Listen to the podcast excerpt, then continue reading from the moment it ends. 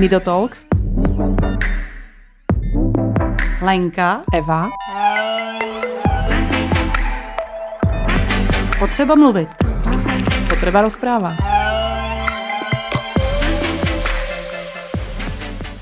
Dobrý deň, počúvate ďalší diel Nido Talks a dnes tu máme novú hostku, eh, ktorú predstavím ako Pavla Baxa. Ahoj Pavli. Ahoj, děkuji. Pavla robí riaditeľku neziskovej organizácie Rytmus a dočítala som sa o nej, že ju založila už v roku 1994, keď sa, keď sa neviem, to je už naozaj dlhá doba, to je staršie, staršia organizácia než moje dieťa. Moje dieťa má 24. Mm-hmm. Ty jo. A, a sama si maminou uh, dvoch synov, keď sa nemýlim. Jo. Dvoch synov. A, a mladší má Mladší Downov Tomáš má Downov syndrom. syndrom. Koľko mu je dneska Tomášovi? To je to taková otázka, ono se pořád mění. Jo. No. Já jsem 34. 34. V tomhle roce. Takže presne o 10 rokov starší než moja dcéra. No, no. On se A- narodil 1988 a já jsem vlastně záhy potom, co se narodil, tak jsem začala se v tom nějak šťourat v té v té otázce těch sociálních služeb a, a co má dělat maminka, když se jí narodí dítě s postižením a koho má požádat o pomoc a jestli nějaká pomoc vůbec bude a, a tak. No. Krásne si mi nabehla, pretože eh, to je presne tvoje téma a ja som o vás napríklad nevedela. Pre, presne tak. Ja si myslím, že veľká chyba. Uh, poď mi povedať, čomu sa teda venuješ, ale ja by som možno ešte začala začiatkom, prečo sa tomu venuješ. Takže mm, dotkli sme sa toho, máš dvoch synov, jeden z nich, Tomáš, uh, má určitý druh handicapu, keď mi môžeš iba povedať tak nejak v skratke. Uh, Jasně. No Tomáš má eh, něco, čemu se říká Downův syndrom, je to zkrátka jako typ mentálního postižení, což eh, znamená, že prostě je ve všem takový jako pomalejší a špatně se učí, myslím jako špatně ne, že by měl špatný známky, ale prostě hůř se mu učí, pomalejc a nemá moc jako abstraktní jako představivost nějakou, takže mu dělá velký problém třeba matematika, vždycky mu dělá problém, doteďka vlastně neumí si nic počítat, ale to nevadí, protože máme spoustu jako jiných možností, jak mu pomáhat. No, tak, eh, tak, tak. a čo robí dnes? Dneska dělá, no co dělá? Tak on jednak pomáhá u nás v organizaci, máme tak, takovou skupinu takzvaných sebeobhájců, Uh-huh. což jsou dospělí lidé s mentálním postižením, kteří chtějí něco dělat pro sebe, ale i pro ostatní. A chtějí se nějak učit obhajovat svoje práva. A Tomáš je tam takový platný člen té skupiny, takže mm, pomáhá v různých, eh, když máme třeba nějakou akci, tak eh, je takový aktivní a chce, chce, to, chce, chce, tam vlastně pomáhat s organizací třeba nebo, nebo s nějakým zajišťováním fotografií a tak. Uh-huh. A jinak pracuje jako skladník nebo takový pomocný skladník ve, už dlouho, několik let, ve firmě, která se jmenuje BIOS. Bajos, to mi niečo hovorí. Oni dělají něco s vrutama. Uh-huh. Ale upřímně řečeno, nevím přesně co. Řekla bych, že je asi vyrábí a pak je nějak distribuují a Tomáš právě je ten v tom článku, že je ve skladu a tam je zkrátka balí do nějakých krabic, přelepuje lepenkou a někam prostě dává z nějakého místa na druhý a je tam docela spokojený. Myslím si, že už ale bych chtěl trošku zase něco jiného. Mm-hmm. Má před sebou nějaký růst. Jako. Wow. Uh, ono to veľmi súvisí potom s tou organizáciou, v ktorej vlastne ako funguješ ako riaditeľka. Ale vrátim sa ešte k Tomášovi. Býva on sám, alebo bývate spolu ešte? No, Tomáš bydlí už několik let sám. Eh, Řekla bych, že tak deset. Eh, Jsme před těma zhruba deseti lety právě se dohodli, že měli jsme možnost v, naš, v tom domě, kde jsme, kde jsme bydleli, vlastně jsme měli možnost, uvolnila se tam garsonka, Uh-huh. tak jsme se dohodli, že tam se Tomáš přestěhuje, už to byl dospělý chlap a myslím pro obě strany bylo takový přirozený, že, že jsme to nějak takhle vymysleli. Eh, Na začátku jsem úplně nechtěla, musím říct, jako dlouho otálel s tím, že si přenese svoje věci vlastně jenom o jedno patro vejš, jo. ale nějak jsem mu s tím pomohla. No a teď by to neměnil za nic. Takže bydlí sám, má teď už dvoupokojový byt a mm, využívá službu, která se říká podpora samostatného bydlení, takže vlastně já tam, já tam už tu svoji roli jako jsem zřejmě mm, jako zahrála, tu, tu významnou, tak teď mu pomáhá vlastně profesionální služba. A o tom všetkom sa budeme vlastne baviť Asi i skrze tvoju organizáciu alebo vašu organizáciu. Ja sa vrátim do 88. roku, kedy sa Tomáš narodil. Uh, a myslím si, že v tom 94. vznikla organizácia práve na základe tvojich skúseností. Čo ti chýbalo? Čo bolo to, čo ti chýbalo? Alebo možno, že to nebolo hneď v tom 88., ale Jasný. Čo na začiatku cesty s Tomášom, kedy si sa dozvedela možno diagnózu, alebo mm. ja som sa niekde dočítala, že teda vy ste čakali na nejaké genetické testy a z nich to jo, jo. vyplynulo. No tak oni měli podezření vlastně na tuhle vadu. U Tomáše už, když byl v porodnici, jenom mě to moc vlastně jako neřekli, mě šetřili. A pak eh, jsme s manželem tehdejším vlastně, eh, vlastně absolvovali právě nějaké odběry krevní a pak eh, asi za dva měsíce možná potom, ani možná ne, za měsíc bych řekla, potom jsme věděli, že teda Tomáš má tohle, tohle postižení. No, mě chyběla vlastně jenom, bych řekla, jako vlastně jako jenom jediná věc a to bylo uh, taková představa o tom, jak takovýhle člověk může žít, uh, jak to dítě mm, se bude jako rozvíjet, kam to tak může dotáhnout. Tak si pamatuju, to bylo vlastně teď mi to připadá jak srandovní, no, ale tenkrát jsem to fakt, eh, jsem to dělala, že když jsem viděla takového člověka nějakého na ulici, tak jsem ho tak jako potají sledovala a, pamatuju, že jsem přišla domů a říkala jsem mojí mámě tenkrát, představ si, že jsem viděla pána, on měl hodinky, jo. To znamená, že on se asi naučí jako rozeznávat hodiny, jo. tak takovýhle jako věci. Neměla jsem prostě vůbec žádnou představu. Pavli, ale já to mala úplně takisto. Takisto, no, že vlastně člověk tak pokukuje po druhých a povie si, aha, tak uh, ona bude moc možno sedět, ona bude Přesně. možno ovládat elektrický vozík, alebo... Takže když se no. ptala, co mě chybělo, tak vlastně mě chyběla ta představa nějaká. Mm. A jinak mě nic nechybělo. A informácie? Jako dostala si informácie od nějakých, jako já nevím, od, nazvíme to odborníci, neurologovia, povedali ti, čo ťa ako keby čaká? Já vím, že ty vidíš jako to z toho praktického hlediska ti chýbali. Jasně. No to možná s tím trošku souvisí, že asi, ale já nevím, jestli jsem se na to někoho ptala. Já jsem měla ohromný štěstí, že vlastně kolem nás byli a jsou pořád jako lidi, eh, kteří byli ohromně jako podpůrní. Jo. Když si vezmu pediatrině, vlastně paní doktorku dětskou, eh, která nás hned vlastně doporučila k paní psycholožce, která nejen, že která mě pomáhala s Tomášem, jako jak ho mám třeba motivovat, jak se má rozvíjet a tak, ale vlastně nabídla pomoc i s Markem, s tím starším synem vlastně, takže, protože jsme to nějak přeci jenom jako trošku řešili, jak, jestli ten bratr starší trošku nestrádá tím, když člověk musí víc té pozornosti věnovat tomu mladšímu. To jsme tu mali několik podcastů a na to téma, no. Takže to, já jsem měla fakt jako na to jako ohromný štěstí. A tím, že mám asi v povaze nějak, že se o ty věci zajímám a, a vlastně mě spoustu věcí baví a, a moc na nic nečekám, tak já jsem asi nestrádala úplně jako um, ani nějakýma informacemi, protože jsem začala hned jako se tím zabývat. Jo? A, a jsem se na studium speciální pedagogiky, teda protože já jako rozšiřující vlastně, což jsem nedodělala, to mě nějak neuspokojilo teda, ale vlastně jsem v roce 92 uh, nastoupila do takového jako ohromného ohromného vzdělávacího eh, intenzivního vlastně jako programu, programu eh, který, jsem, který jsem převezli eh, americká nadace American Jewish Joint Distribution Committee. A to prostě bylo jako něco neuvěřitelně krásného. A jak jsi se k němu dostala? To bylo nějaký Přes vypísaný? psycholožku mm-hmm. Moniku Janíkovou, naši milou vlastně dneska už kamarádku teda dávnou tak eh, ona, protože byla, vlastně měla vztahy nějaký s židovskou obcí, tak se dozvěděla o tom, že tohle, tohle školení velký se, se, eh, se chystá vlastně pro Českou republiku. Ono bylo unikátní v tom, že se tam setkali právě, že bylo takový multidisciplinární, že tam byly vlastně v té skupině lékaři, psychologové, ergoterapeuti, ale taky rodiče, učitelé. My jsme společně eh, jako fakt intenzivně rok vlastně se učili od eh, těch amerických předních lektorů a izraelských vlastně ty přístupy a k lidem s mentálním postižením. A co z toho teda kurzu si si odnesla? No a, a všechno jsem si Všech, odnesla. Vše... já jsem si odnesla prostě všechno.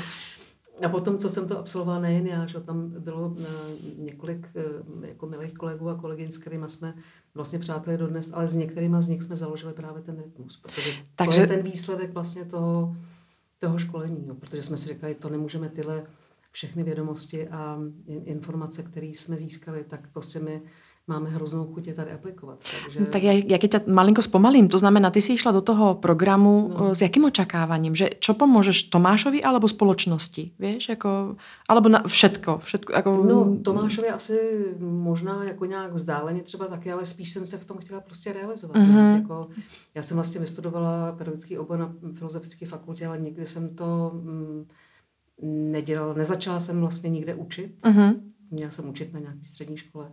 Ale do toho se narodil vlastně Tomáš, takže pak už mě to jako směřovalo profesně vlastně eh, spíš tímhle směrem. A tohle eh, byla ohromná šance jako využít právě ty, ty vědomosti, které nám jsem, jsme vlastně fakt byli jako šťastní, že jsme je dostali. Takže my jsme, jak jsem řekla před chvílí, no, jako měla jsem takovou ohromnou touhu jako potom to zužitkovat a, a napadlo nás eh, to dělat pomocí nějaký jako organizace, kterou sami založíme.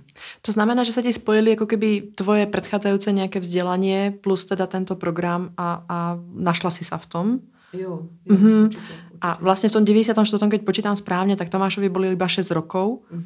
Tak uh, ty si otvorila organizáciu, alebo vy ste otvorili, možno, že vás bolo viacej, aby som teda nebola iba takto personálna na teba. Jasně, bylo nás asi šest. Mm-hmm. Co jsme se dali dohromady, taková partička vlastně Eh, lidí nadšených z toho kurzu a řekli jsme si, tak my prostě sedli jsme si v nějaký eh, kavárně nebo hospodě a vymýšleli jsme, co uděláme a řekli jsme si, no tak my založíme prostě organizaci a ta hospoda se jmenovala Rytmus, no tak my jsme prostě to takhle použili a, a je to. Tak a čo jste si v té hospodě povedali, čo ta organizácia bude robiť? Povedz mi, jako fakt ma zaujíma, čo bolo na začiatku a čo je vlastne uh-huh. potom, ako keby prejdeme tým časom, že čo je dnes. Takže to, to nadšenie z toho, že idem niečo aplikovať, čo som sa naučila, čo bolo to, to čo idem aplikovat? Jo, jo. No tak byly to na začátku, bych řekla, tři věci. My jsme už rovnou vlastně šli jako do tří těch témat, které byly ty ústřední v tom celém školení. Jo.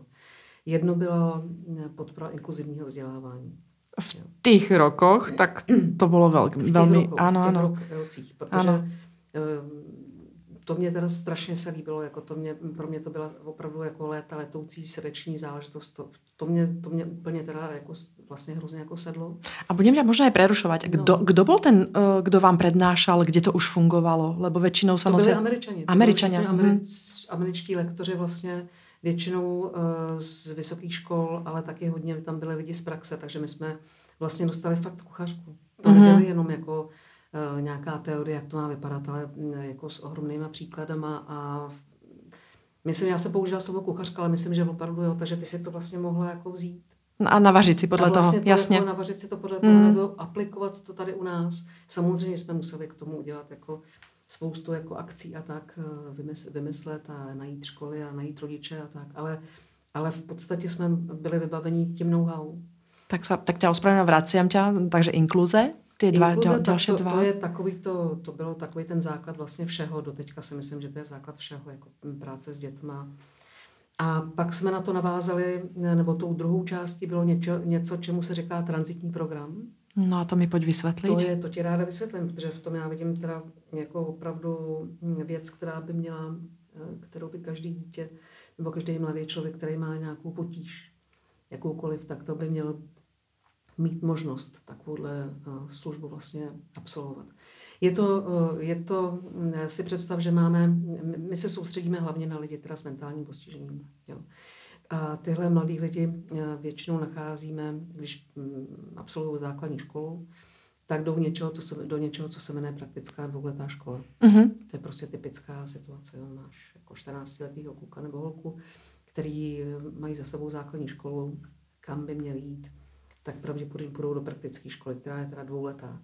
No a u nás to je tak, že mm, to samozřejmě je strašně krátká doba. Ty, ty mladí lidi, když výjdou tu dvouletou školu, tak nejsou na nic připravený. Prostě řeší se to běžně tak, že těch škol absolvují několik.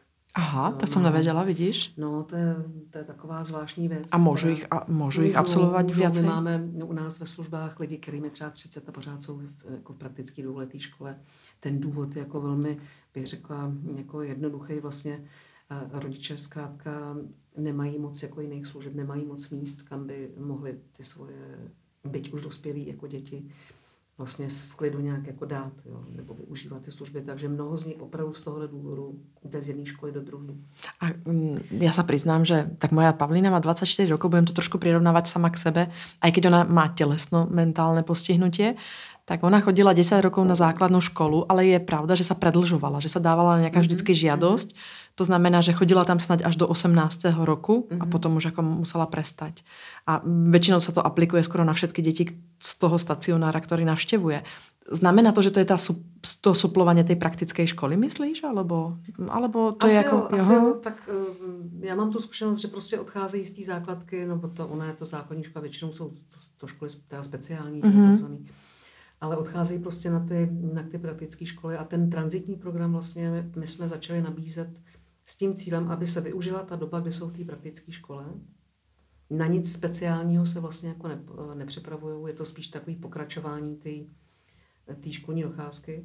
A v tu dobu, když jsou ještě ve škole, tak my jsme mm, vlastně začali taky zase po vzoru, teda, jak jsem řekla před chvílí, eh, je připravovat na to, že budou dospělí Mhm. a že budou, až budou dospělí, že budou taky pracovat. Takže ten transitní program je v podstatě taková jako cílená, individuálně ušitá příprava pro toho mladého člověka na to, že až vyjde z té školy, tak ho čeká nějaký pracovní a dospělý život. To je niečo, ja si to pre, m, predstavujem, ako keby je prípravná trieda do základnej školy, tak toto je prípravná trieda do zamestnania. No vypadá to tak, uh, je to zajímavý, mám říct, jak to vypadá. No jasné, budem rada, no. Vypadá to prostě tak, že uh, prostě přijdou kolegové, máme jich v současné době asi pět vlastně kolegyň, které se zabývají tady tím transitním programem, tak přijdou o sobě dát vědět do nějaké praktické školy, popíšou vlastně to, co nabízíme a většinou se na to přihlásí několik rodičů, s kterými potom a s jejich dětmi teda uděláme nějakou úvodní schůzku a tam se vlastně jim představí, jak to asi bude vypadat. No a to, jak to vypadá, to je zhruba tak, že místo školy ten člověk jeden den v týdnu nebo někdy dvakrát, Tomáš třeba chodil dvakrát, eh, chodí někam na takzvanou praxi, Mhm. eh, vlastně do běžné firmy, k běžným zaměstnavatelům. A kolem toho, to není jenom praxe, to, eh, kolem toho je vlastně spoustu různého plánování, vymýšlení, co ten člověk by mohl dělat, ale ta praxe vlastně jim umožní vyzkoušet si tu danou profesi, tu Mhm. danou vlastně práci, což pro nás vlastně, nebo my si myslíme pořád, že to je hrozně důležité, aby tu reálnou představu o tom, co to znamená, když člověk prostě chce být pekařem, tak co to je, nebo chce pracovat v pekárně, dejme tomu, nebo chce dělat zahradníka, prostě aby si to ušahli, co to opravdu je, jestli to eh, říkají, že by to chtěli dělat jenom protože to třeba dělá jejich brácha, nebo že to někde slyšeli, anebo že to je opravdu něco, co eh, je vlastně bude bavit. Takže ten člověk, ten mladý člověk mm, s postižením, teda si projde během těch, dejme tomu, dvou a čtyř let, kdy vlastně tu službu nabízíme, tak si projde několik typů těchto eh, zaměstnání.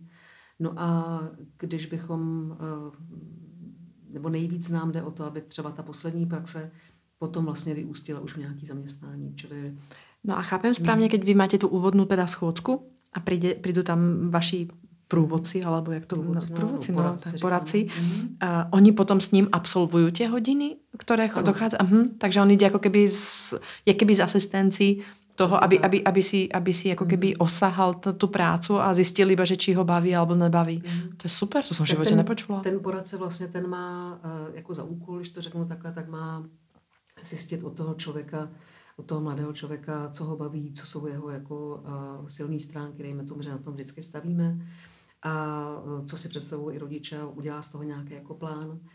Pak se na základě tohohle plánu snaží dohodnout ty praxe.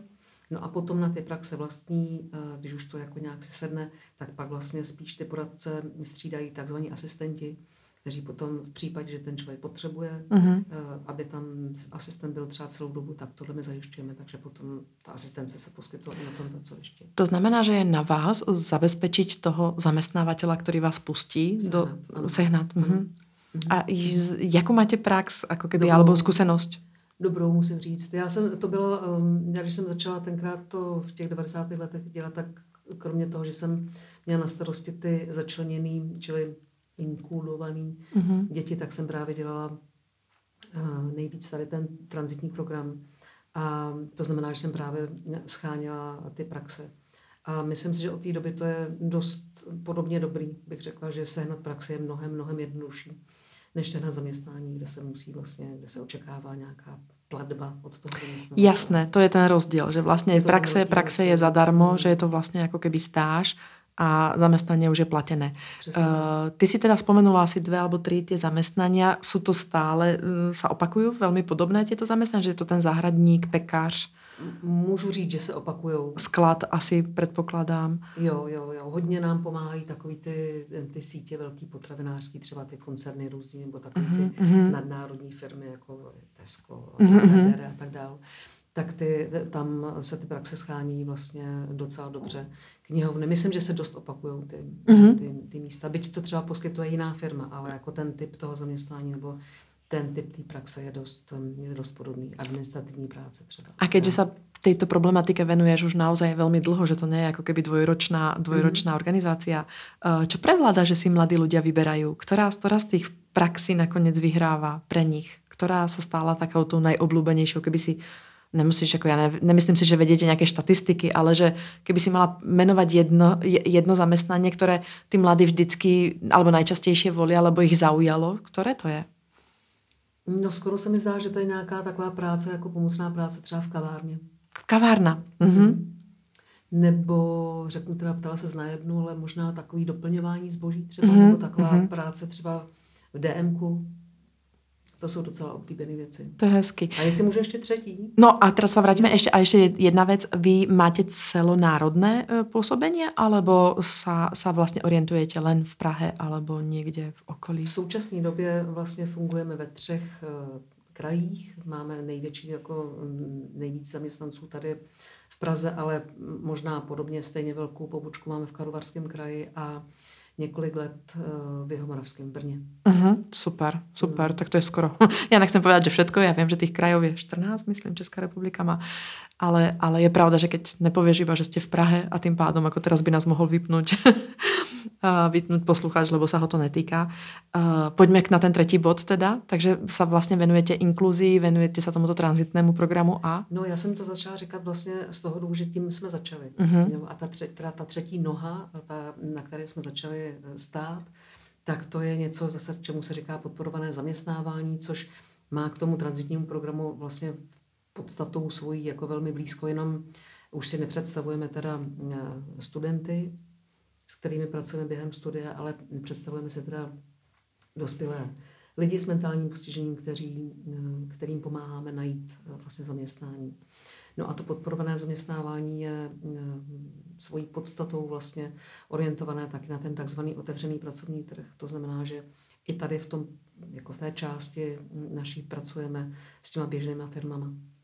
Jo, že, že Vy suplujete z časti úrad práce? No, Dá sa jasne. povedať? Mhm. No jasně, my suplujeme úřad práce, protože tam ty lidi, s kterými my pracujeme, vlastně se eh, jako zaměstnání eh, moc nedočkají, takže to my určitě suplujeme ještě takhle. A môžem si septáž, predstaviť, že keby som bola, eh, keby som mala ten mentálny handicap, prídem na úrad práce, dostanem informáciu o vás? No, to nevím. Mm. To nevím. Mm, to by mě zajímalo vlastně. Tak možná někde, jo, na někde, na něk, on těch úřadů práce je hodně, tak to se asi nedá říct takhle úplně. Jako bylo by to krásný. Jasne. Jo, dělali jsme proto dost. Myslím, že s tím úřadem práce eh, jako vystrkujeme růžky poměrně často, snažíme se vlastně o nějakou komunikaci, ale tím, že jich je hodně, eh, lidi se tam střídají, já to nejsem si jistá, jestli by, mm-hmm. jestli by to všichni jako věděli. Uh-huh. Te, a toto, s týmto ste začínali. Toto bol ten základný trojpilíř, by som to, byl nazvala. Přesně tak. Dneska som sa dočítala o vás, ako mm, tých vetvičiek tam máte ešte o mnoho viacej a tých pilířů, na ktorom stojí program vlastne vašej organizácie. Ale vrátim sa ešte teda na ten začiatok. Založili ste organizáciu, neziskovú organizáciu, čo ste podľa mňa boli medzi prvými. Jak ste začali získavať finančné prostriedky pre chod vašej organizácie? Mm. No, tak první peníze my jsme dostali právě od té nadace americké, takže ty nám umožnili Aha. přijmout eh, jako první asistenty do škol. A pak jsme se snažili, no, pak jsme prostě psali na všechny městské části, odkud se na nás obraceli rodiče, že mají děti, které potřebují do základní školy, mají u toho mentální postižení a chtějí, abychom jim pomohli. Tak eh, jsme vlastně pořád psali nějaké dopisy na ty městské části a, a jakmile byla, byla nějaká možnost získat nějaký grant, tak jsme prostě od toho Požiadali. požádali. Mm, Tehdy docela dost taky fungovaly vlastně dary, Mhm. sponzorské, to už dneska, mm, jako to je hrozně těžké, jako proti té době, v těch 90. letech to bylo nějak mnohem jako jednodušší, takže jsme získali i dost eh, vlastně prostředků jako na eh, od, od soukromých subjektů. A nebylo to právě tím, že jste byli jako prví, alebo mezi prvými, víš, nebylo tolko těch neziskových organizací. Dneska, dneska je tu 140, cez 140 tisíc jako neziskových No. organizací a dneska už vlastně začínají být aj firmy alergické na ty, na ty žiadanky, protože jako vybrat mezi nimi, kdo je za čo a kdo je důležitější a který bude mať silnější dopad eh, na spoločnosť, aby jsme se tím mohli pochválit, lebo na čo jsou tie dary vlastně. V konečnom dôsledku je to trošku jako PR, no. No, máš pravdu, určitě ta, teď je to téměř nemožné, my už to v podstatě ani neděláme, protože, mm-hmm. protože ta, eh, jako, my vždycky na co potřebujeme jako nejvíc, to jsou mzdy. A na mzdy získat uh, dar od soukromé firmy je vlastně jako vždycky to nejtěžší. Ano, ano. Takže nám se velmi dobře schánili právě, to máš pravdu, no, to, je, to určitě bylo tady tím, že těch organizací nebylo tolik. A nám se podařilo třeba vybavit dvě kanceláře jenom sponzorskými darama. To už teď si moc představit vlastně. Jasné. Ale vlastně si mi ako keby krásne premostíme aj do toho, že ste boli na začiatku a ja mám inklúziu a to slovo sa mi spája možno uh, pár rokov dozadu. Vieš, že sa o ňom ako rozpráva. Ale ty, ty, ty mi tu rozprávaš o 30 rokov dozadu, vieš. Tak poď mi povedať, jak pred 25 rokmi, jak ste, jak ste toto slovo vôbec ako vyslovili a jak, jak ste sa stretávali uh, s reakciou napríklad škôl, aby, aby ste tam vlastne nasadili asistenta k, jednému z žiakov. Si krásně řekla, nasadili, to přesně takhle bylo. No, No, bolo, no. No jasně, to ono, ono to je- tak, pozor, ono to je tak do dneska deň vnímané.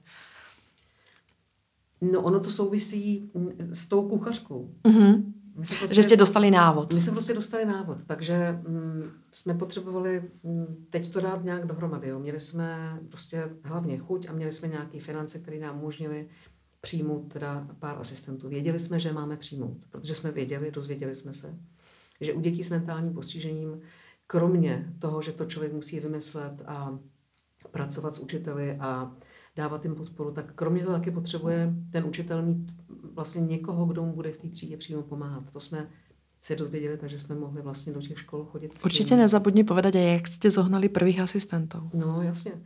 A to ráda moc. A, takže my jsme mm, tohle věděli.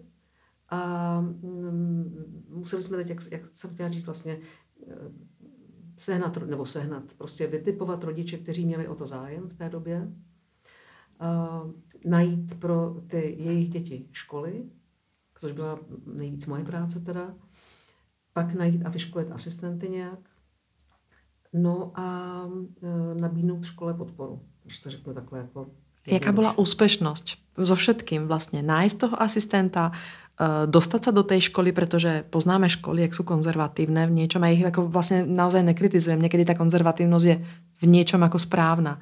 Ale presvedčiť, toto je ako inovatívna vec, vieš, tak eh, No, právě, že my jsme vlastně nešli do té školy jenom je přesvědčovat, aby to dítě vzali, ale my jsme rovnou nabízeli tu pomoc. to riešenie, podporu. To čo je řešenie. geniálna vec, áno. Protože bez toho to si neumím představit. Áno, že ty, myslím, ty, že ty do nich netlačíš problém, ale vlastne hovoríš, poď, poďte, tuto, to Já třeba spolu. Příklad takovýho, takový rodiny, eh, kde byl kluk eh, Martin, má shodou okolností taky eh, Down syndrom a já jsem pro ně vlastně zajišťovala tuhle podporu celých vlastně devět let, co bylo v základní škole. A nejen já teda, ale já jsem to měla na starosti. No a nejtěžší ze všeho eh, bylo sehnat tu školu. My jsme měli asistenta, Měli jsme eh, navázanou spolupráci eh, s kolegyněmi, který dělali alternativní komunikaci, protože Martin, kromě toho, že má Downov syndrom, tak taky vlastně má velmi vážnou eh, poruchu řeči, vlastně v podstatě nemluví. A tímhle klukem, eh, pro tohle kluka bylo potřeba se na školu, protože maminka, tatínek, prostě rodina chtěli, aby chodil do základky, do běžné základní Mhm. mm-hmm. školy. Měli proto eh, jasný svoje důvody. No a to nejtěžší na tom bylo, já jsem, um, my jsme se taky naučili, že ty rodiče nemají chodit sami. Dělat do těch škol. Aha. Takže naše role byla, nebo moje tenkrát role byla doprovodit tu maminku tady v tom konkrétním případě eh, do škol a vlastně to vysvětlit jim, co po nich chceme. A proč by nemali chodit ty rodiče? Mají v tom ty emoce? Jsou, mm-hmm, jsou neobjektivní? Co myslíš? No, tak představ si jenom, že tady s tou maminkou vlastně, my jsme obešli 14 škol.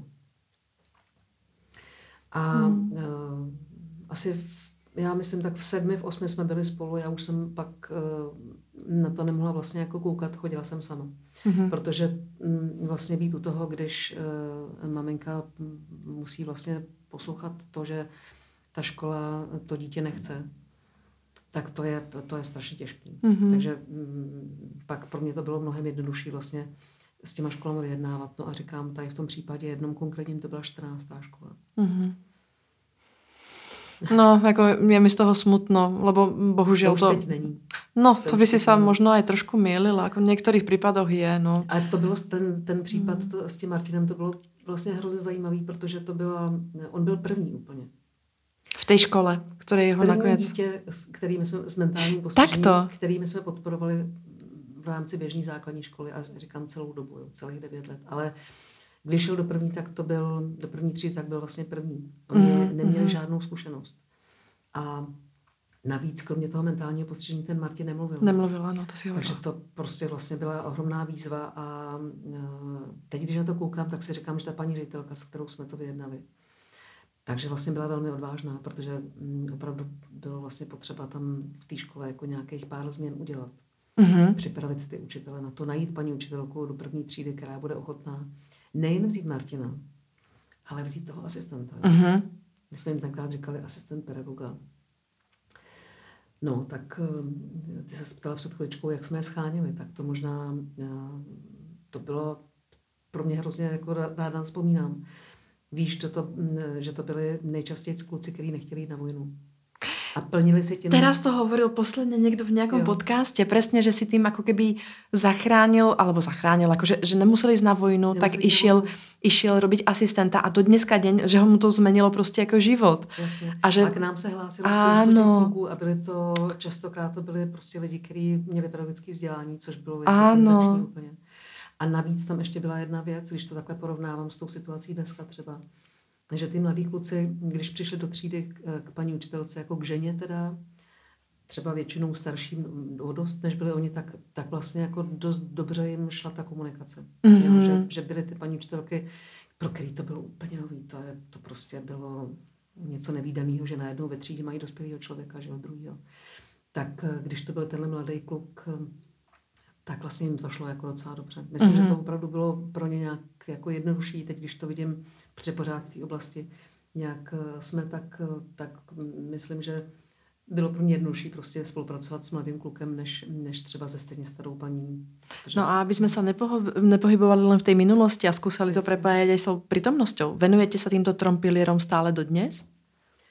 Eh, věnujeme, uh-huh. i když třeba pod přímou podporu těch začleněných dětí už neděláme vůbec. Uh-huh protože vlastně tím, že skončila, respektive naopak, že začala, začala, začala možnost jako mm-hmm. zaměstnávat asistenty učitele e, vlastně teď běžně ve škole, ano, ano, ano. tak tím skončila ta naše role, kterou jsme měli, že jsme, že jsme vlastně tuhle, tuhle, tohle jsme zajišťovali vlastně jako, jako kdyby to byla sociální služba. A povedzme si ale, že to je super, že to je prostě jako no, něco, že... Po... To jsme pochopili, že už tam, tam už nemusíme se angažovat, super. takže to jsme, z toho jsme vycouvali rádi, musím říct. A teď v té oblasti působíme jako vzdělavatel. My máme každý rok pořádáme zhruba 12 kurzů pro eh, vzdělávacích kurzů dlouhodobých pro asistenty pedagoga. A pojďme se o tomto trošku mhm, pobaviť. Mhm. To ma celku zaujíma, protože to jsem se dočítala na vašich stránkách. Keď sa stanem asistentom pedagoga, jaké potrebujeme mať vzdelanie? Alebo je to práce, je to, je to dobrovolnictvo? Pojď mi o tom něco trošku iba povedať. Kdyby si chtěla být, no tak ono to je v zákoně o pedagogických pracovnících nějak jako popsaný, jakou, mm-hmm. jakou musíš mít um, kvalifikaci, ale ta je, ta, ta je ohromně široká. Vlastně mm-hmm. můžeš mít i základní školu, můžeš mít vysokou školu, Eh, to, co my nabízíme, je takzvaný kvalifikační kurz. To znamená, to je eh, vzdělávání, které má dohromady 80 hodin teoretické mm, přípravy vlastně a potom 40 hodin takzvané praxe, kterou si ty absolventi nebo posluchači prostě zajistí, buď to ve školách, kde už pracují, anebo se s nějakou školou domluví. No, 80 eh, hodin na jednu, na jednu stranu zní, že to je docela dost hodin, ale je to strašně málo. Uh-huh. My jsme si toho vědomí, že prostě za 80 hodin se eh, ten asistent nestane dobrým asistentem. Ale eh, a ta největší část asi mm, je... Stejně se vlastně na to nedá nějak moc dobře připravit. Takže oni se to učí za pochodu v prá- v, vlastně už ve škole, uh-huh. když to práce vykonávají. A to, co my se jim snažíme v tom kurzu říct, tak to jsou vlastně ty základní informace, které potřebují k tomu, aby uměli spolupracovat s učitelem, aby uměli ty děti brát jako um, děti primárně, nikoli se dívat jenom na to, že mají nějaké postižení. Uh-huh. Vlastně pořád čerpáme z těch uh, informací a z těch, vědomost, jo, z těch informací, kterými jsme se dozvěděli, byť už je to teda, jak se řekla, skoro 30 let. Jo. No. Ale to je, to je tak strašně nosný, že z toho můžeme pořád čerpat. Přesně tak? Jako a potom uh, jim samozřejmě, jako máme to zaměřený, takže, nebo zaměřený, eh, součástí toho kurzu je to, že se dozvídají o různých typech postižení a o tom, jak se s takovými dětmi pracuje vzhledem právě k těm specifikům. Ale um, stejně jak je každý dítě jiný, tak uh, jenom znovu se vracím k tomu, že byť od nás nějaké takovéhle informace dostanou a snažíme se, aby jsme měli velmi kvalitní lektory, které, kteří mají velmi dobrou praxi, tak stejně jako nejvíce naučí naučí potom za, za pochodu vlastně Takže vaša organizace se dneska venuje vzdělávacím kurzom, chápem správně. Kdo si vás objednává? Přijde, přijde ten člověk sám, lebo se chce stať asistentem pedagoga, alebo, va, alebo vás oslovuje škola? Ve většině případů to je tak, že přijdou, eh, my vypíšeme termíny na webu, máme zkrátka vzdělávací web, kde se inzerují pravidelně eh, kurzy, které nabízíme. Nejsou to jenom v oblasti vlastně školské, ale jsou to v oblasti i sociálních služeb, ale teď, když mluvíme o tom školství, mm-hmm. tak běžně vypisujeme termíny vlastně na několik běhů dopředu, v Praze, v Brně a v Ostravě mm-hmm. a e, asistenti budoucí nebo ti, kteří o tu práci mají zájem, tak jsou zvyklí se prostě hlásit sami. I když samozřejmě bylo e, jako několik případů, ale je to v menšině, že poptává vlastně vzdělávání škola pro svého asistenta. A poďme sa trošku aj ekonomicky na to pozrieť. Eh, tá pozícia alebo tá, to, to pracovné miesto asi nebude nejaká hitparáda platová. Eh, váš kurz, koľko stojí pre neho? 9900. Uh-huh. Mhm. Takže a platí si ho on sám? No, eh, platí si ho sám, anebo to platí právě škola. Super, Větši, většinou jasně. to se platí škola. Jasně. Což jsme samozřejmě rádi, protože to není malá částka, uh-huh. ale většinou to platí škola. No a... Tahle, tenhle kurz jenom dodám, že má jednu jako nevýhodu třeba uh, proti těm takzvaným rekvalifikačním kurzům, protože tenhle kurz uh, neproplácí úřad práce. Tím, že to jsem ani nevěděla, že preplácá jako keby rekvalifikační. No, jo, jasně. Jo, aha, ten pro, třeba pro pracovníky v sociálních službách, který taky děláme, tak tam právě ti absolventi, nebo ti, kteří se přihlásí, tak mají možnost si ten kurz nechat proplatit úřadem práce jako rekvalifikaci, což ale tady v tom případě vlastně není, takže je ideální, když to svým zaměstnancům zaplatí zkrátka škola. Uh-huh. A ten, co robíte pro ty sociálních, sociálních pracovníků, to je čo konkrétně? Co to je za kurz? To je zase, když si představíš jakýkoliv, jakoukoliv sociální službu, eh, tak mm, v České republice v současné době vlastně eh, máme nějak jako daný i terminologicky, že v ní buď to pracují sociální pracovníci, anebo takzvaní pracovníci v sociálních službách. Uh-huh. Aby si mohla být pracovníkem v sociálních službách, tak buď to máš zase nějaké vzdělání, anebo si doděláš tenhle rekvalifikační kurz. Mm-hmm. Tak zase to má nějakou délku, uh, obsahuje takové základní věci, které ten člověk na téhle pozici, když chce být, tak mm, je potřeba, aby se nějak naučil. Tak to je další typ kurzu, který děláme, tenhle ten rekvalifikační. Kolko lidí prejde cez tie kurzy va, vaše? Víš, že keď si hovorila, že vypisujete jako keby termíny těch kurzů, mm-hmm. budete mať asi viacej. No, to jsem Jaká, jaká je, jaký je o nich záujem? Tak. Mm-hmm. V každý kurz má zhruba 20, snažíme se, aby měl 25 posluchačů. Těch kurzů je 12 do roka. Já myslím, že jsem viděla někde číslo teď um, minulý týden, někam jsme to psali. Myslím, že to bylo tak kolem 330 mm, vlastně poslu, uchazečů nebo uchazečů, mm-hmm. těch absolventů. absolventů, ano, mm-hmm. tak. Že, takže to je jako relativně velmi úspěšné, že, že to máte jako obsadené. Uh, keď sa stretávate so sociálnymi pracovníkmi, ja teda neviem, že či si s nimi priamo ty ešte ako keby v kontakte, Uh, Jaký si myslíš, že, že jaká je ich úroveň, vieš, keď, keď to môžeš porovnať s tým, čo si zažila cez, cez ten americký kurz a neviem, jak si ešte v kontakte práve s tými Američanmi alebo s takým tým porovnaním sa zo zahraničia. Čo nám tu ešte chýba alebo na jakej úrovni my máme tých sociálnych pracovníkov alebo pracovníkov v sociálnych službách alebo asistentov, vieš. E, celkom ma zaujíma, že či to idú robiť ľudia preto, lebo dobre, tak chybí mi ako tahle, tahle věc, jako proto, aby som mohl tam být, alebo, alebo jsou inovatívni, hľadajú, hľadajú, jak zlepšit, zjednodušit život eh, člověkovi, který uh, má nějaký handicap. No, já myslím, že mm, z toho, co jsi vymenovala, takže všechny mm-hmm. skupiny v těch uh, tak vidím. Mm-hmm. Ve velkých městech je ta situace, bych řekla, lepší, protože si člověk může vybírat víc. Když, jo, když to takhle řeknu, když, když máš volnou pozici, vypíše se inzerát, tak, tak tady pro nás vlastně je poměrně jako eh, lehké, i když ne úplně, ale je to lehčí, eh, sehnat vlastně lidi, kteří nám nějak sednou i osobnostně a věříme, že se budou, eh, že budou tu službu poskytovat jako férově. Mm-hmm. V těch menších městech a hlavně v těch bych řekla, v těch okrajových částech republiky, kde mm, bohužel eh, pořád ještě se nacházejí mm, ty takzvané domovy pro osoby se zdravotním postižením, ano, což ano. jsou prostě pozůstatky, mm-hmm. pozůstatky té eh, doby 50. let, kdy tyhle zařízení mm, velkokapacitní takzvaně vznikaly, tak tam ta situace, jsem přesvědčená o tom, že je, no prostě to vím, že je mnohem horší, protože ten výběr zaměstnavatelů v mnoha těch menších místech prostě je velice omezený. Takže eh, ten domov mm, neboli ústav zkrátka často bývá jediným velkým zaměstnavatelem, což myslím, že eh, pak se prostě podepíše na kvalitě, mm, když se mi to neřeká úplně jednoduše, ale hmm. se podepíše prostě na kvalitě toho, Života. toho personálu. Alebo na, personál, na kvalitě služby, která je poskytovaná mm, těm lidem, kteří tu službu. Hmm.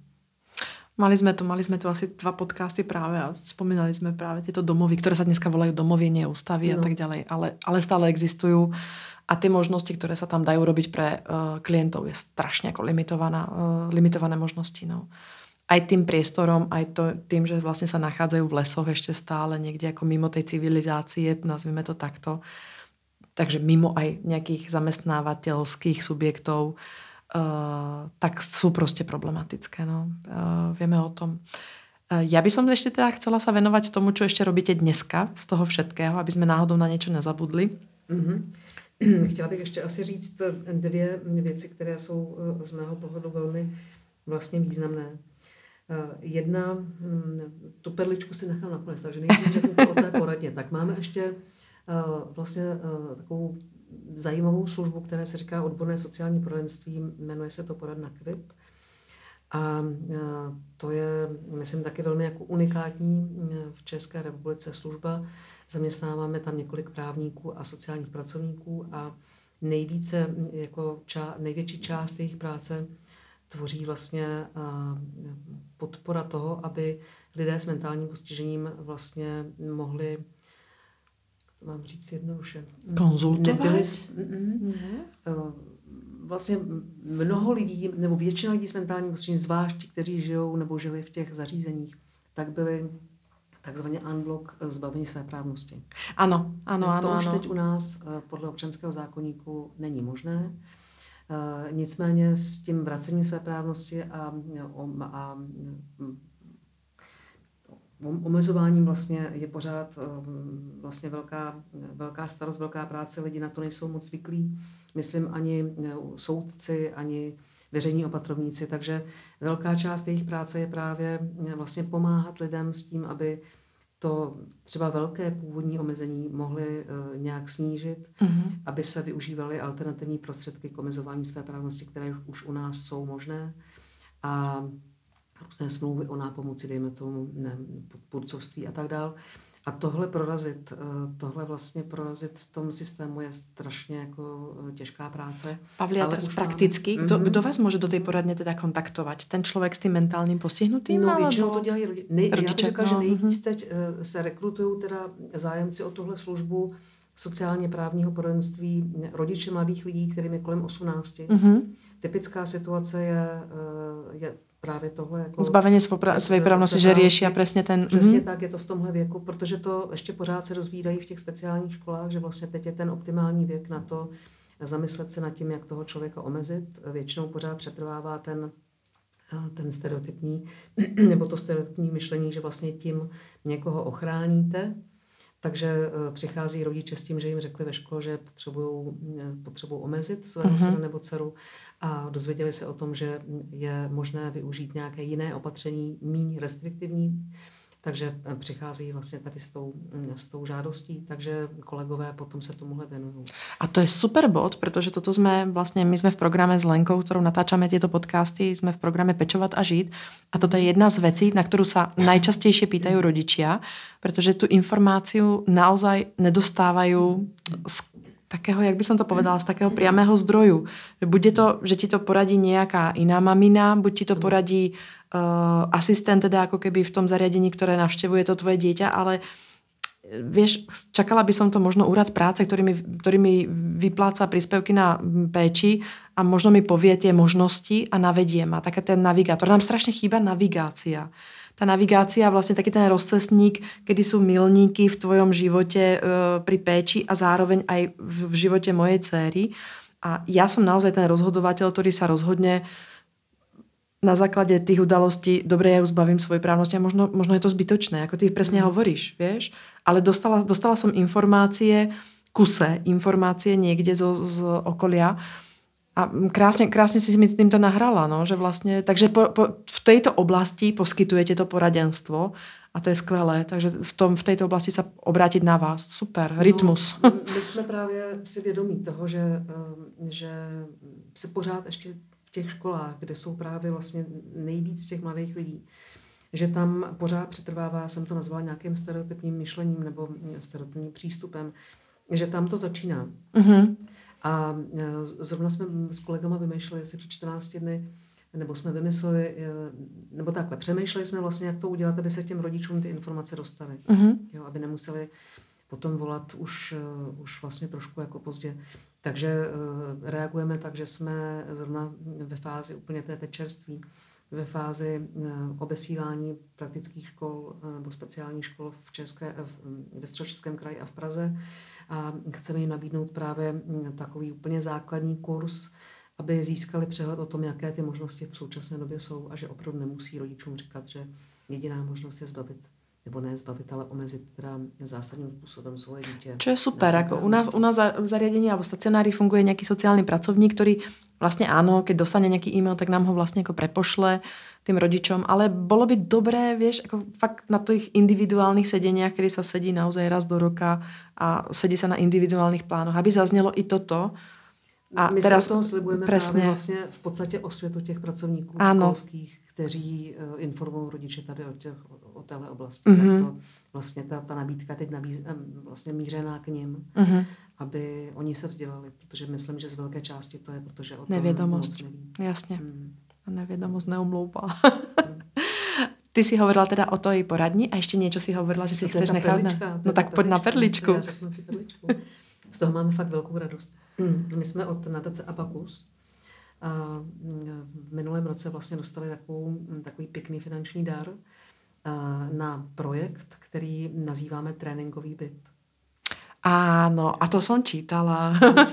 v Brně myslím, ne? Alebo no, aj tu. Jasně, v Brně ho teď otvíráme uh-huh. vlastně. Chtěli bychom k prvnímu dubnu o, po, ho otevřít vlastně po vzoru pražského, který už funguje od loňského roku právě. A tu radost z toho mám, protože s, velkou, teda protože z několika důvodů. Jednak protože si myslím, že to je unikátní projekt, mm, unikátní vlastně v tom, že takový, nenarazili jsme vlastně na byt, který by, nebo na takovouhle službu, která by nabízela na jedné straně těm mladým lidem si vyzkoušet, jaký to je, když nebydlí s rodičema, vlastně v bezpečném prostředí eh, s pomocí asistentů, ale zároveň i rodičům vlastně umožnit to, ten pohled na to, že ten jejich syn nebo dcera, kteří jsou už vlastně dospělí. Čo je vlastně pravda, schopný... že kolikrát je to, ten rodič bývá brzdou. No bývá. No jasné, no. Jako já se nedělím, no, to, ono to je Přesně tak, těžké. to jsem chcela doplnit. Ale tohle právě jako jim v podstatě dá tu možnost vidět to. Mm-hmm. Pořád je mají jako doma, ale My to máme udělané tak, že vždycky 14 dní měsíci prostě jsou v tom tréninkovém bytě. Poď mi, poď mi povedať teda, čo to znamená, že ide teda uh, ten mladý člověk někam jinam, do jiného. Uh, jo, máme v, v Praze dvě, tady, nebo to je právě jedna vlastně za Národním divadlem v ulici Ostrovní jsme si pronajali byt právě za ty, za ty finance, které jsme dostali od Abakusu. Ten byt jsme vybavili uh, jednoduchým nábytkem, a což je ale důležitější, měli jsme nějakou myšlenku a ta myšlenka byla taková, že právě ho nabídneme rodičům eh, s dospělými nebo s dospívajícími eh, eh, lid, dětmi. Mm-hmm. Prostě právě za, za tímhle účelem, aby si mohli vyzkoušet 14 měsíc, jaký to je, když, když to dítě nemají zkrátka doma. A když všechny věci, které jsou zvyklí dělat za něj, tak když se ten člověk učí v tom bytě sám s pomocí asistentů. Takže a to jsou takové situace, které člověk vlastně jako jenom kouká, že, jo? že vždycky na začátku se s tou rodinou bavíme, jaký má očekávání a jak na to ten jejich syn nebo dcera je, co umí a co, jakou potřebuje podporu a tak. A, a když se zeptáš, jestli potřebuje podporu nějakou třeba v tom, jak zapnout pračku nebo tak, tak čas, Oni někdy řeknou, že prostě to nikdy nedělal. No jasné, no. Jo, takže tak, tam, tak to tam, ani moje tam, zdravá dcera kolikrát. Jo, je tam ale myslím, mnoho, že... věcí, mnoho věcí vlastně, který ten, najednou ten uh, člověk prostě musí dělat, protože jednak jsme se takhle dohodli, má to v nějakém svém plánu, uh, takže je, jako souhlasí s tím, že do toho tréninkového bytu jde a ten má nějaký účel, takže jo, máme takový jako nástroj vlastně k tomu. No a vedeme z toho pravidelný vlastně takový výstupy nějaký, který právě slouží rodičům, aby viděli, jak to ten jejich... A znamená to, že 14 dní tam žije teda? Norma den, noc. Vlastně nejde ze školy domů. Ano, ale jde do tohto bytu. Toho, toho tréninkového bytu, nebo když pracuje, tak prostě jde z prá- nejde z práce domů, ale vlastně ne tam. A ty asistenti tam bydlí taky s ním, alebo jak to jako docházejí? Asi docházejí. Asistenti se tam, eh, máme střídají. jich několik, takže se asistenti střídají. Eh, máme to mm, v tom prvním běhu, vlastně, který proběhl teda minulý rok, tak tam jsme eh, to měli, takže tam byly pokryté i noční směny, protože byla potřeba, někteří z těch kluků vlastně potřebovali, aby tam byla služba i v noci. Aspoň, myslím, že to nebylo celou dobu, ale aspoň nějaký čas. No a teď je to vlastně taky tak v tom druhém běhu. A cílem, nebo snažíme se, aby ta asistence se když by to šlo, tak se mohla vlastně trošku snížit, ale uh, není to žádný tlak na, na, na, ani na asistenty, ani na ty kluky, není tam žádný tlak na výkon.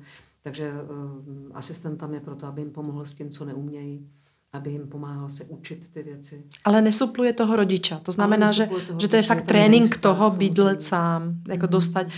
Čo znamená beh, jak, na jako dlho to je? To znamená, že jak, jako dlho trvá trénink v takomto bytě? Ty hovoríš, že chodí na 14 dní v tom měsíci, ale kolko měsíců absolvuje takýto trénink? Zhruba půl roku. Aha, takže šestkrát navštíví ten, ten mhm. byt. My jsme, eh, když jsme vlastně vymýšleli ten, ten jak, jak to uděláme, ten provoz tam, jak to, jak to nastavíme, tak jsme se prostě přiklonili tady téhle variantě. Eh, zjišťovali jsme u kolegů, ehm, myslím, že jsou dvě organizace v České republice, s nimi jsme konzultovali, mají to v podstatě podobně. Eh, teda ta jedna to má, myslím, že trošku delší, ale my jsme zkrátka chtěli dát možnost taky více, eh, více těm, těm mladým lidem, aby mm-hmm. si zkoušeli, takže jsme zkrátka tady v tom režimu 14 dní. A jak to berou ty rodiče?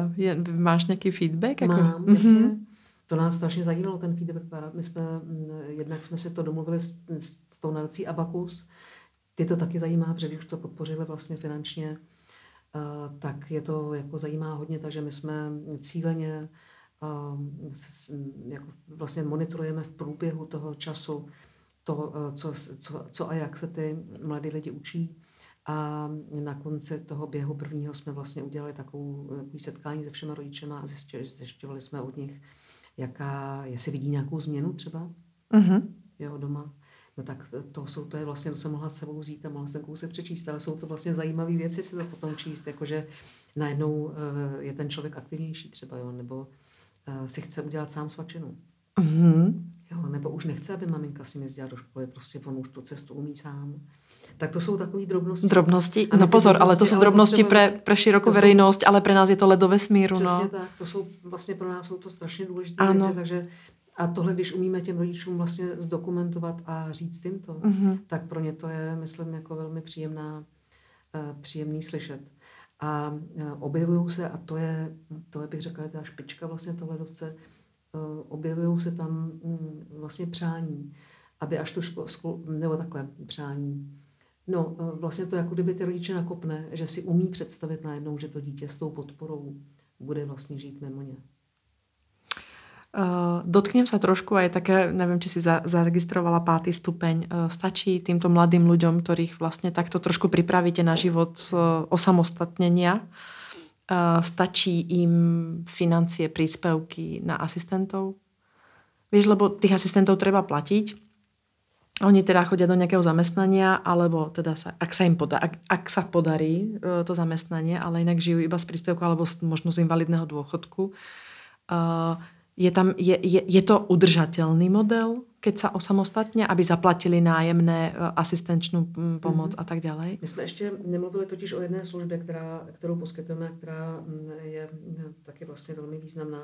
E, to je něco, co, čemu se říká podpora samostatného bydlení. Mm-hmm. A na základě vlastně zkušeností s touhle službou, kterou v Karlovarském kraji uh, už realizujeme vlastně 12. rok, mm a v Praze asi šest. Já někdy ty čísla přesně nevím. Ale prostě Každopádně jste v tom naozaj velmi dlouho, takže... Kolikátý rok. Tak, eh, tak víme, že to eh, je možný. Já ti to třeba, mm, možná, že by to šlo jako na tom příkladě Tomáše mýho, jo? protože on je vlastně využívá tuhle službu, mm-hmm. to jsem řekla na začátku. Jo? Ano. Tak jenom, eh, aby si uměla třeba představit, tak Tomáš má 14 tisíc nebo 14,5 tisíce má ten invalidní důchod pak má příspěvek na péči v tom druhém stupni, tak znamená, že má 4400. 4, uh, pardon. Eh, potom má eh, výdělek, který je zhruba kolem 4, 4,5 tisíce za měsíc v té firmě, eh, kterou jsem zmínila předtím, ta firma BIOS. A částečně má nějakou práci hrazenou i u nás formou nějaký brigády, když právě pomáhá při nějaký třeba konferenci. Ano. A pak má nějakou asi pětistovku, myslím, nějaká taková ta mobilita, nebo jak se tomu říká. Ano, ano. Takže zkrátka mu to dá nějaký obnos. A on za tu službu uh, platí zhruba tak 4 tisíce měsíčně.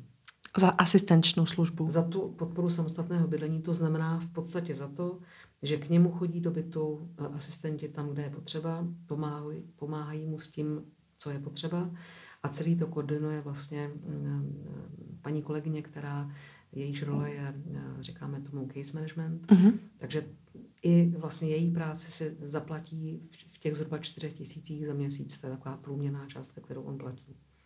Mm-hmm. Což uh, je dost podobný uh, u těch lidí, kteří tu službu využívají. Myslím, že není tam nikdo, možná jsou to výjimky, kdo by nemohl si službu zaplatit z příspěvku na péči. No a počkej, a teraz nájemné za ten dvojizbový, dvoj pokojový. Tomáš plat... mm-hmm. On vlastně, mm, když zůstaneme teda u Tomáše, tak ten je schopný si zaplatit ze svých, pří, ze svých příjmů, je schopný si zaplatit mm, ten byt vlastně, zaplatit si tu službu, uh, zaplatit si potraviny teda, uh, jo, to, co potřebuje mm-hmm. k vaření a, a tak vlastně na ten měsíc. Uh, trošku mu zbyde. Není jako v mínusu, ale jako vždycky mu nějaký peníze zbydou, takže v podstatě velmi skromně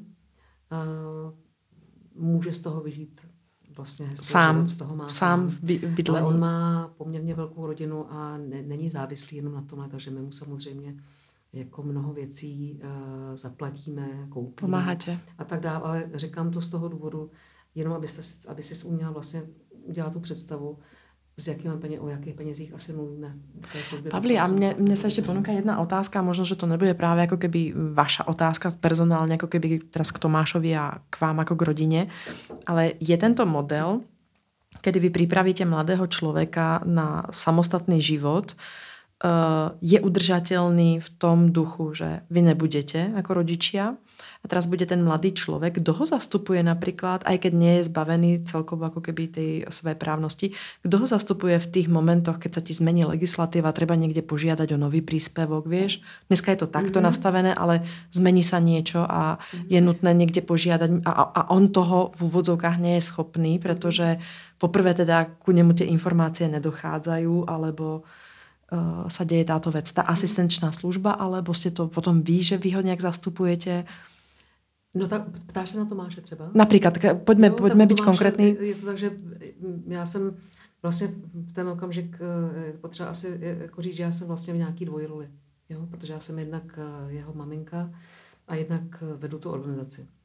A nicméně jako maminka teda mám domluvený s, s Tomášovou case manažerkou, s tou paní kolegyní, která vlastně zajišťuje ano. celou tu, nebo koordinuje vlastně celou tu mm, část podpory, kterou potřebuje zrovna Tomáš, tak my máme rozdělené kompetence velmi mm, vlastně jasně. Uh-huh. Takže eh, některé věci dělám já a některé věci uh, jdou už za ní. Ano. Takhle to um, vlastně je potřeba, nebo my to takhle bereme, nebo si takovýhle systém vlastně rozdělení kompetencí uděláme s tou rodinou u všech těch lidí, kteří rodinu mají. A to je právě jako otázka toho case managementu. My jsme to tu mali, myslím, že z Ergo Active, společnosťou, která vlastně robí uh, Eh, špeciálne program na konkrétne potreby. To je ten case management, že sa vlastne urobí, case je vlastne tá potreba a, a vlastne sa k nej, že to nerobia unifikovanie službu, ale že sa robí unikátna služba na konkrétne potreby toho daného človeka. Ano, to je princíp. Princíp toho case managementu, aby sme to iba vysvetlili jako poslucháčom, čo je uh, super, super. Takže je to ako keby udržateľné, že ona ho vlastne ako zastupuje v určitých veciach, keď sa niečo zmení, tak, tak ona vlastne ako je ten iniciátor tej zmeny v jeho, v jeho nějakých, nevím, nastaveniach, jako keby příspěvkov, alebo já nevím. Ano. Jak ehm. říkám, je to tak, že, eh, že se všema lidma, kteří mají rodiny, tak se snažíme eh, si ty kompetence zkrátka rozdělit. Uh-huh. A eh, jenom taky máme, hlavně v Karlovarském kraji, máme vlastně takzvané uživatele té služby, to se jim říká uživatele, tak tyhle lidi jsou častokrát bez rodin. Protože na rozdíl A tam smeruje moje otázka. Jo. No, víš, že kdo, kdo jich zastupuje, no. Jasně. Tak v Praze třeba ta cílová skupina téhle služby podpora samostatného bydlení jsou většinou lidé e, z rodin.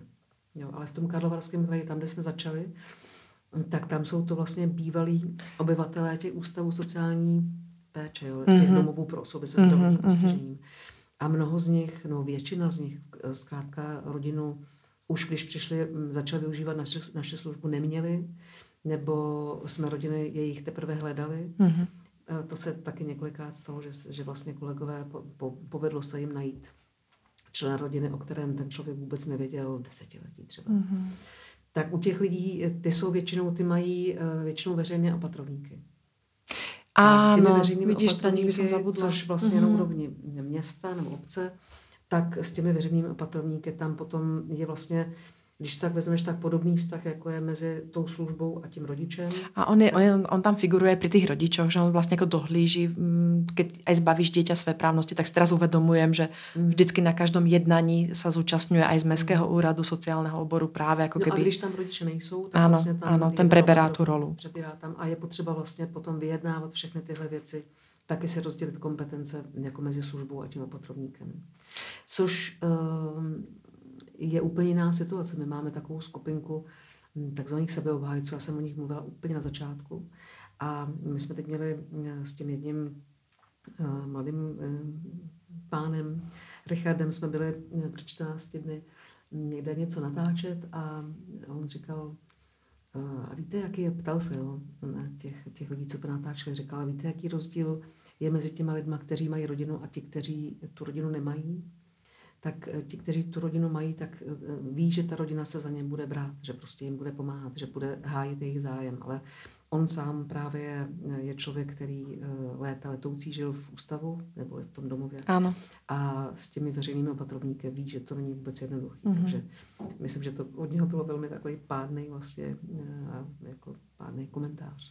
A čo teda robia tí seba obhajci u vás, alebo uh, mm-hmm. ktorých tam máte? Ešte máme chvíľočku času, sme inak cez hodinu, to znamená, že budeme pomaly mm-hmm. ako keby končiť. Strašne rýchlo to ubehlo, Pavli. Jako to, to, to, to, a pritom tých informácií, čo by sa, ako kľudne môžeme urobiť ešte jeden podcast, uh, pretože to je veľmi, veľmi zaujímavé. Hovorím, jak, uh, keď som sa chystala na tento rozhovor s tebou, tak uh, o rytmuse som nevedela a totálne ma prekvapilo. Hovorím, že keď som sa dočítala, že ste tu od 94. roku, tak som si hovorila, kde som bola? kde som bola, keď som o tom nevedela. A zároveň ma mrzí, ale že som sa o tom nedozvedela z takých tých, tých priamých zdrojov. To, čo nás najviac ako mrzí, možno nás no, pečujúcich, nás že buď to môže byť, hovorím, ja stále spomínam a skloňujem tu úrad práce, ale môže to byť pediatr, môže to byť neurolog, môže to byť proste tých zdrojov, ktoré ja musím navštevovať v tomto systéme, aby som e, dostávala príspevok na peči alebo invalidný dôchod, tak je veľa ale vždycky je to také, že donies papier, potvrdenie, neviem čo, ale nedostávam tu pomoc vo forme informácií. Presne mm. tak. Proste tá navigácia tu chybí. Uh, neskutočným spôsobom a budem prvá v zástupe, ktorá bude pomáhať v nejakej...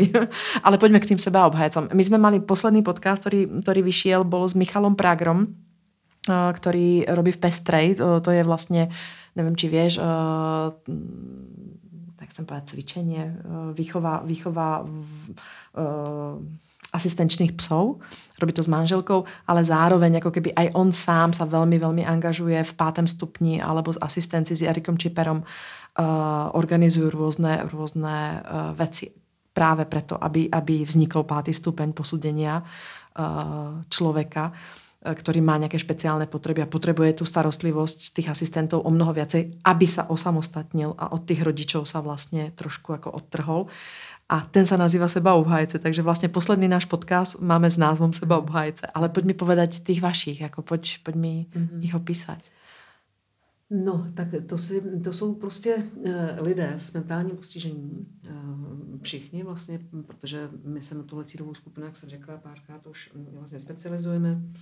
Jsou to, hm, většina z nich nějaký, někdy absolvoval nějakou nebo využívala nějakou naši službu a zůstali takzvaně jako věrní té organizaci a uh, chtěli prostě nám nějak pomáhat. Tak to je, to je jako jeden vstup. Jo. My zároveň víme, že uh, je důležitý uh, tyhle lidi, i ty lidi, kteří mají mentální postižení, vlastně uh, zviditelňovat a dávat jejich hlasu nějakou sílu, protože mnoho služeb se točí kolem nich ale málo kdy mají možnost ty služby nějak ovlivnit. Presne tak, ako je to o nich, ale bez nich koľkokrát. Áno, a rozprávajú ľudia, ktorých sa to vlastne ako osobne áno dotýka, ale nie sú to oni, ktorí prežívajú ten handicap alebo ktorí musia ako keby s tými bariérami pracovať. Ježiš, ďakujem. Takže my, mm, co chceme, eh, je tedy lidi prostě vzděláváme, dáváme jim informace, ale zároveň je učíme eh, třeba o svých eh, přáních, o svých vizích, mluvit, čili mají i možnost se učit vlastně prezentovat, co chtějí potom veřejnosti třeba říct, be, jsou součástí našich vzdělávacích akcí, takže já když třeba učím v kurzu pro asistenty pedagoga, tak si vždycky vezmu sebou vlastně někoho z sebeobájců, aby ty lidi, kteří na tom kurzu sedí, mohli v praxi vlastně se setkat s někým, kdo je označený jako člověk s mentálním postižením. A um, prostě dáváme jim příležitost aby, eh, jak jsem řekla, ten jejich hlas, zkrátka, ten jejich názor, jasně, aby no. se mohli k, k, k věcem vyjadřovat. Jasně. To je, eh, to je vlastně náš cíl. Zároveň mm, oni, je to už skupina poměrně velká, dejme tomu do 30 lidí, eh, oni si i pomáhají vzájemně. Mm-hmm. Jo, takže když třeba Tomáš se rozešel se slečnou, hrozně špatně to nesl, tak vím, že tam bylo několik těch lidí, kteří jsou z té skupiny, který ho prostě nenechali úplně jako padnout, zkrátka pomáhali mu, zvali ho na kávu a tak, takže... Se stává z nich taká komunita, no jasně, no. No ale my právě nechceme, aby byly jako, aby, aby z nich jako byla komunita, jo, protože mm-hmm. to je, to my vlastně nechceme podporovat, aby ty lidi se združovali jenom jako spolu, jo, jenom kvůli tomu, že mají mentální postižení, ale spíš se snažíme vlastně je, je vytahovat a, a zviditelňovat. Tak eh, ten příklad, který jsem řekla, já třeba s tím školením, to je jeden z mnoha ale eh, kolegyně třeba s Tomášem asi tak už nevím, před pár měsíci byla prezentovat na konferenci, kterou pořádalo Ministerstvo práce a sociálních věcí a Tomáš tam vlastně mluvil o tom, co dělá ve volném čase a kdo mu s tím pomáhá. Jo. Tak, eh, a to je jenom příklad Tomáše, ale vlastně mnoho z nich se účastní různých právě akcí, nevím, jestli si, jestli slyšela nebo jestli hm, Třeba jste s někým o tom nemluvili, byla ta taková pětní akce před Ministerstvem práce a sociálních věcí před několika Mm-mm. týdny vlastně eh, pořádali děti úplňku. Děti úplňku kvůli, to, no jasně, kvůli Třešňák, ano, ano, ano, ano, ano, Doroty. Mm-hmm. No, s tou Dorotou, tak mm-hmm. jeden z těch našich sebeobhájců vlastně Richard tam vystoupil mm-hmm. se svým příběhem, jaké to bylo, když žil v ústavu a jak si vlastně žije teď s podporou ve svém bytě. Tak to jsou takový jako Čo ti, čo, ti, čo ti vlastne nevysvetlí niekto, kto to neprežil. Nikto, nemá no. Presne tak. Oh, no, krásne končíme vlastne. Uh, určite, si, určite natočíme ešte jeden. ja by som možno iba ešte ťa vyzvala, keď nás niekto počúva, kto vás môže kontaktovať a je tam nejaký priestor, napríklad presne teraz nás bude počúvať niekto, kto má doma 14-15 ročného mladého človeka s mentálnym postihnutím. Uvažuje o tom, že by ho začal trénovať na samostatné bývanie. Prípadne tu bude niekto, takže e, kto by chcel absolvovať vaše kurzy a tak ďalej. E, kam, kde a ako sa prihlásiť, kde vás nájde? Já myslím, že nejjednodušší je zapamatovat si nebo napsat si e, to, co teď řeknu a to je obyčejná webová stránka www.rytmus.org jako organizace a tam myslím, že to máme docela, máme takový šikovního kolegu. Máte to krásně rozdělené, dá se tam ten, velmi pěkně. No, právě Lukáše, takže ten to tak jako vždycky krásně tam všechno napíše. Myslím, že to je opravdu přehledný. Takže uh, můžete tam, nebo můžou uh, zájemci najít uh, jednak odkazy nebo kontakty na všechny kolegyně podle těch jednotlivých služeb. Mohou tam jako jednoduše také najít vlastně nabídku aktuálních hm, vzdělávacích kurzů mohou se tam přečíst o sebeobhájcích. Máme, využíváme sociální sítě, je tam přímý proklik na Facebook, na Instagram, takže myslím, že kdo chce si najít informace, tak si najde a budeme a my, rádi. My o tomto podcaste napíšeme i článok, kde uvedieme všetky linky, aby jsme dostali vlastně, aby ľudia to mali čo najjednoduchšie a vlastne nazdielame, nazdielame tento článok i na naše sociálne siete, takže určite sa budete môcť dostať na Rytmus.org a dozviete sa o mnoho viacej. Pavli, tebe veľmi, veľmi ďakujem za toto stretnutie, bolo to veľmi milé a veľmi pre mňa ako teda plné informácií. Málo kedy toľko informácií, ako dostanem, o ktorých som predtým vôbec ani netušila. Ďakujem vám všetkým, že ste nás počúvali. Majte krásny deň a počujeme sa na budúce. Ahoj. Ahoj a děkuji za pozvání.